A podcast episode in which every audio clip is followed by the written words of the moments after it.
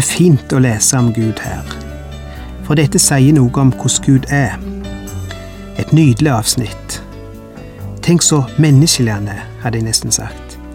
Tenk så forståelsesfulle. Tenk at jeg kan snakke slik til Gud. Tenk at jeg kan tigge, forhandle, påvirke han. Jeg kan mest sagt overtale han. For det er jo det Abraham gjør her.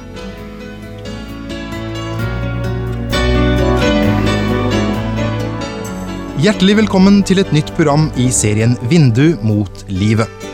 Vindu mot livet er basert på programserien Insight for Living ved Chuck Svindal. Programmet er produsert av Kristen Riksradio og blir ledet av Ola Bjoland.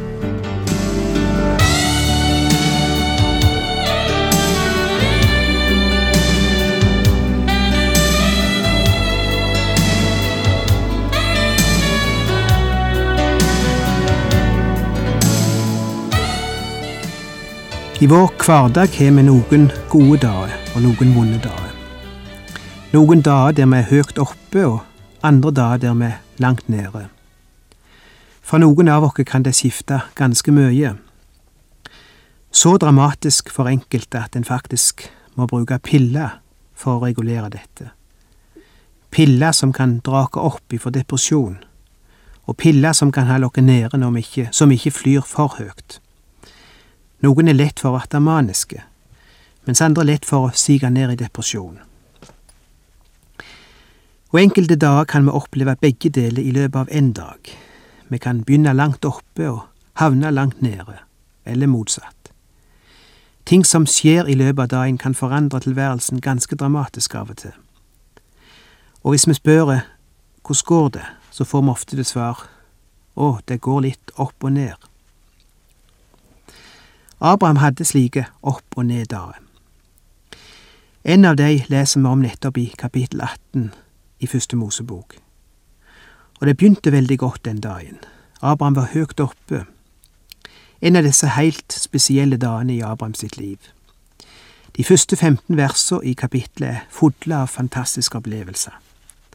Han får et uventa, men meget gledelig besøk. Gud besøker han, og åpenbarer seg for han, og har gode nyheter til han. De skal endelig få den gutten de har drømt om og bedt om i alle disse år. Endelig skal det være slutt på ventetida. Og det blir fest, og det blir mat, og det blir feiring.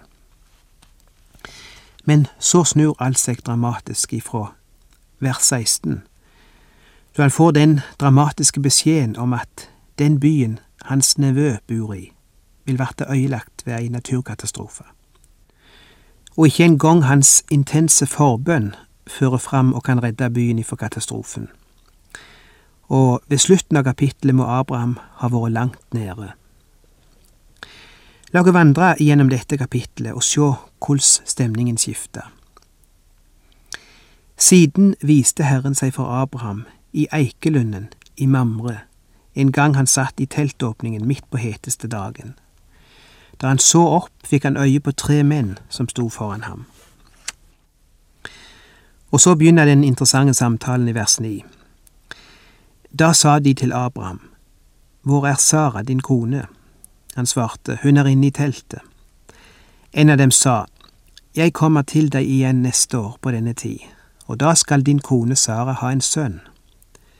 Sara hørte det i teltåpningen, som var like bak ham. Jeg må alltid smile når jeg leser denne fortellingen. Selv om jeg har lest den 50 ganger, sikkert. Og så står det i vers 11. Nå var Abraham og Sara gamle, langt oppe i årene, og Sara hadde det ikke lenger slik som kvinner pleier å ha det. Ja, det skal jeg si. 90 år var hun blitt nå, og Abraham var 100. Så de var ikke akkurat noen ungkalver lenger. Og de hadde venta og bedt, og bedt og venta. Allerede for 13 år siden, da Gud kom med disse ideene siste gangen, var de to i ferd med å verte for gamle til få barn. Og de kunne ikke forstå hvorfor Gud ikke kunne ha gitt de barnet før, mens det ennå var mulig. Og vi husker hvordan Abraham og Sara den gangen prøvde å hjelpe Gud ved å bruke ei surrogatmor, men Gud trengte ikke noe slik hjelp.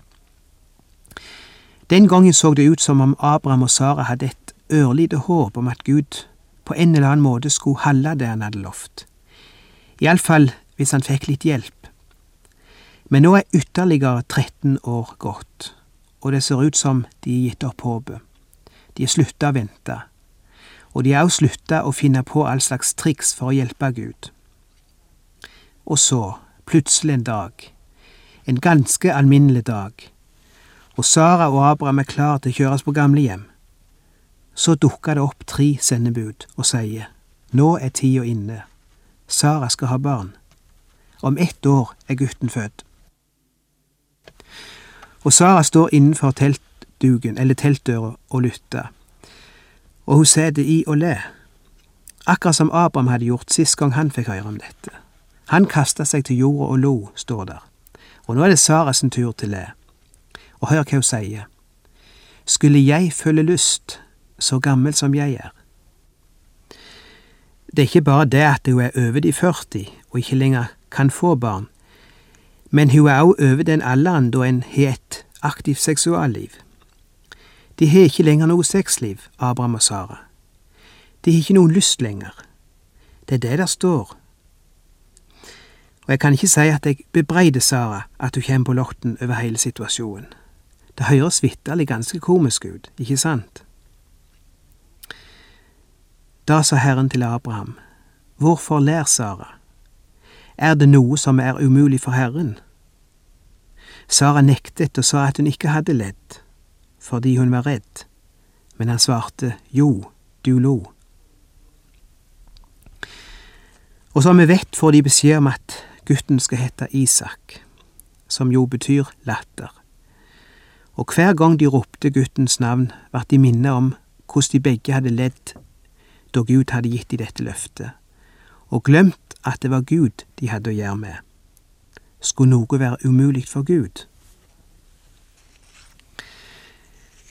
Det er i sannhet et av høydepunktene i livet Abraham og Sara har denne formiddagen. Et av øyeblikkene da de virkelig er høyt oppe. For nå er det ikke bare et vagt løfte de får, som kanskje skal skje en gang i framtida, men nå skal løftet oppfylles. År i venting og lengting har endelig fått sin oppfyllelse. Om ett år er gutten født. Så langt de gode opplevelsene. Nå til de vonde. For nå skifter det plutselig. Selskapet er nå ferdige med maten, og de bryter opp og begynner å gå i retning av Sodoma. Og Abraham føler de et stykke på veien. De har nå hatt glede av å meddele et fantastisk budskap. Nå er tida kommet til å meddele sørgebudskapet. Nå skal det vonde, den vonde sannheten fram. Vers 20. Så sa Herren, sannelig, det lyder høye klagerop over Sodoma og Gomorra. Deres synder er overmåte stor. Jeg vet ikke om du ble fengsla av noen ord i Bibelen, men dette er et av de ordene som virkelig fengsla meg etter at jeg ble oppmerksom på dem. Det lyder høyere opp, står det her. Det er ikke ofte vi leser slike ord i Bibelen. Vi har en lignende situasjon i første Mosebok fire, der Gud besøker Kain etter at han er myrda bror sin Abel, og Gud sier, Din brors eh, blod roper til meg fra jorden. Det er et rop som kommer ifra mord.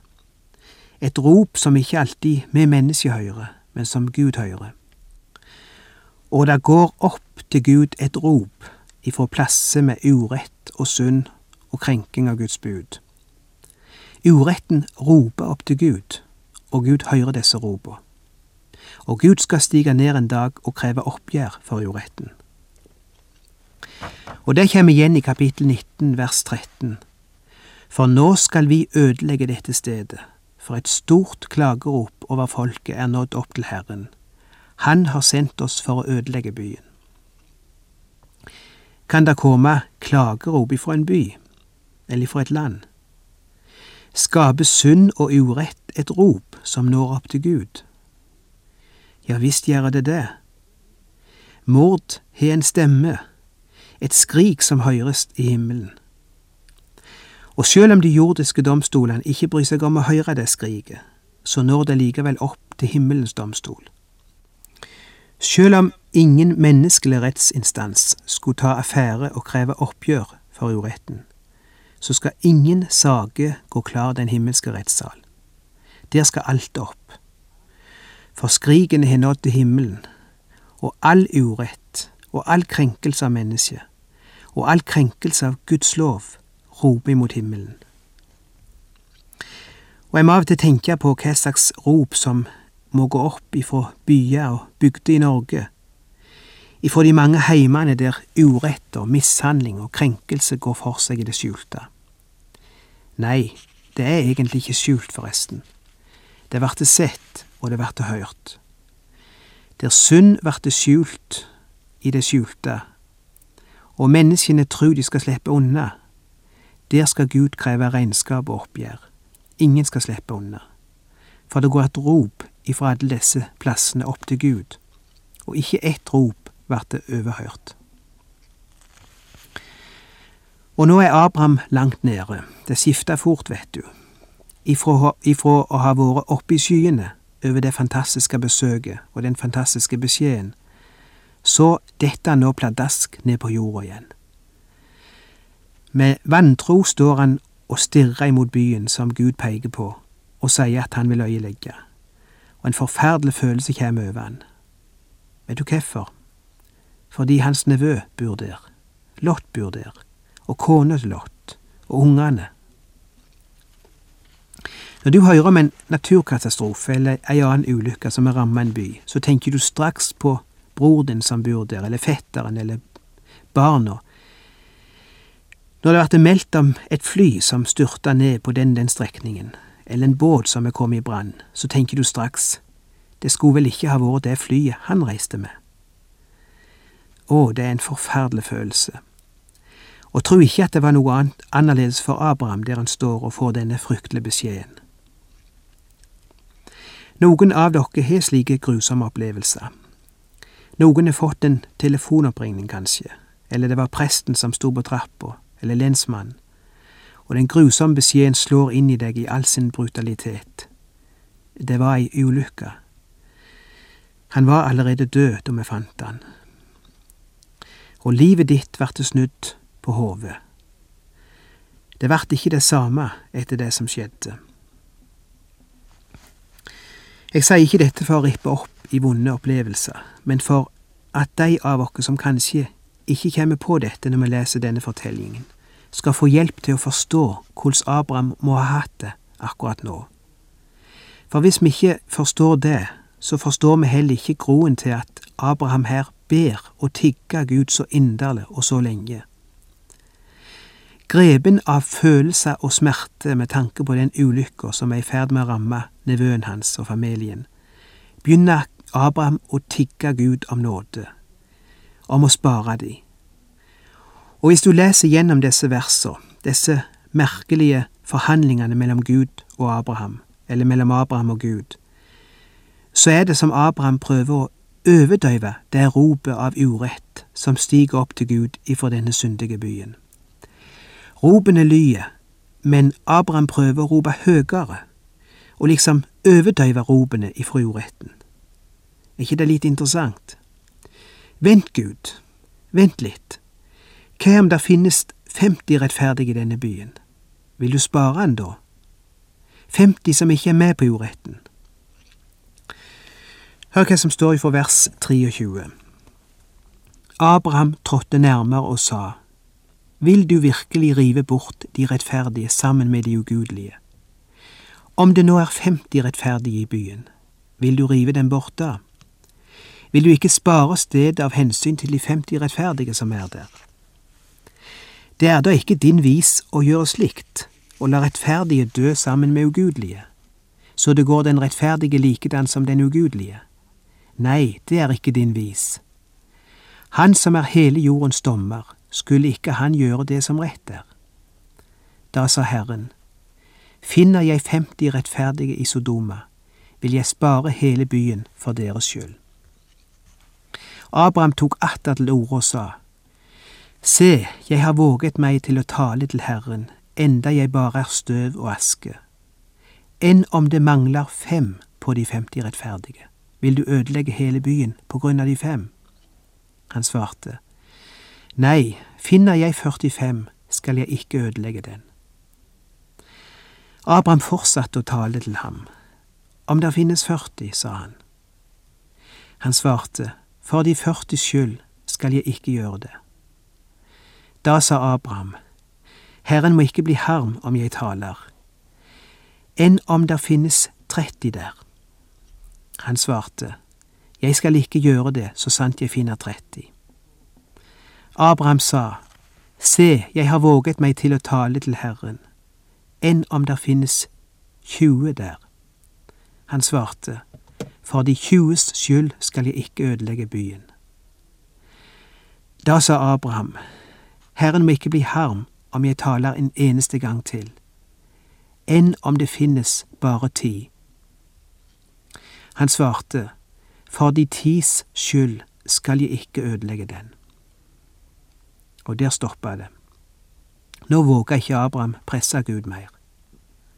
Jeg lurer på hvor mye lenger han kunne ha gått. Det får vi vel aldri vite. Eller kanskje Abraham tenkte at nå hadde han tatt så godt i at byen var berga med god margin. Og det hele avsluttes med vers 33. Da Herren hadde talt ut med Abraham, gikk han bort, og Abraham gikk hjem. Har du noen gang bedt slik? Visst har du det. Det er derfor du smiler med deg sjøl der du sitter.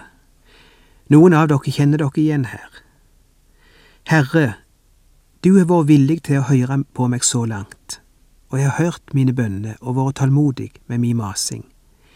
Jeg vil ikke presse deg for langt, men kan jeg få komme med en ting til? Det er fint å lese om Gud her, for dette sier noe om hvordan Gud er. Et nydelig avsnitt. Tenk så menneskelig han er, hadde Mester sagt. Tenk så forståelsesfull. Tenk at jeg kan snakke slik til Gud. Tenk at jeg kan tigge, forhandle, påvirke Han. Og jeg hadde mest sagt overtale Han. Det er jo det Abraham gjør her. Du skal aldri tenke slik kan jeg ikke be. Du skal få be til Gud slik du føler det. Gud kan høre på de bønn. Det er ikke sikkert de bønn alltid er drevet av de rette motivene, og det skal vi komme litt inn på neste gang når vi skal snakke mer om, om dette kapitlet. Og det er ikke alltid du får det du ber om, slik du ba om det, men Gud skal nok klare å skilje ut det i dine bønner som ikke alltid er så edelt, og svare på det han vil. Vi må ikke være så opptatt av at bønnene våre skal være så korrekte og dogmatisk rette at det hele stopper opp. La det komme fram. Gå frimodig til Gud, vær ærlige og oppriktige. Si det som det er. Snakk til Gud som du ville ha snakket med en god venn. Det er det han er, og det var det han var for Abraham. Og her står Abraham framfor en skikkelse som ser ut som et menneske, og han snakker til han som et menneske. Og han henviser til Guds egen barmhjertighet og sier, Du kan da vel ikke gjøre slik, Gud? Og Gud hører på han, og Gud lar seg påvirke av han. For et nydelig bilde av Gud. Tre små stikkord til slutt ut ifra denne teksten. Sjå opp for Gud. Vær vaken for de mange anledningene der Han kan dukke opp i hverdagen. Det kan være gjennom en sang, det kan være gjennom mennesket du møter, det kan være gjennom noe som skjer, og sjølsagt gjennom Guds ord. Der møter han oss alltid, men av og til møter han oss òg i, i menneskelige skikkelser og i hverdagslige hendelser, slik som her. Vær vaken for det. Vær vaken for hva Gud vil si deg gjennom de dagligdagse hendelsene som skjer. Hvis du har det for travelt gjennom dagen til å være oppmerksom på de små situasjonene der Gud vil si deg noe, ja, da har du det for travelt. For det andre, vandre med Gud. Abraham vandra med Gud, bokstavelig talt fulgte han Gud langs etter veien. For når du vandrer med Gud, Da får du del i hans hemmeligheter. Du får førstehånds kjennskap til Guds tanker, ikke annenhånds, ikke gjennom andre, men Gud tar deg med inn i sine tanker og lar deg få vite ting du aldri ville fått vite hvis du ikke vandra nær Han. For det tredje, snakk med Gud. Abraham gjorde det. Han kjempa med Gud, han forhandla, han tigga, han argumenterte, han resonnerte. Og Gud kan du godt resonnere med. Mange mennesker balanserer på grensa av bitterhet, nettopp fordi de aldri snakker med Gud om problemet og om det som hendte. Snakk med Gud om det. Og til sist, vent på Gud. Hans plan er større enn du kanskje aner. Og hans plan var å befri Lot og hans hustru, men ikke slik Abraham tenkte. Abraham ba spar Sodoma og Gomorra. Det var sjølve orda i bønna, og den bønna kunne Gud ikke etterkomme denne gangen. Men bak orda lå den egentlige bønna. Spar Lot og familien hans. Selv om han ikke sa det, så var det det som egentlig var Abrahams anliggende. Og den bønna hørte Gud. Gud hørte bønna bak bønna. Og da er vi inne på et interessant tema som vi skal se mer på neste gang. Du har lytta til Ola Bjoland i serien 'Vindu mot livet' fra Kristen Riksradios arkiv. Ola Bjoland var ansatt i Kristen Riksradio til han døde i 2002.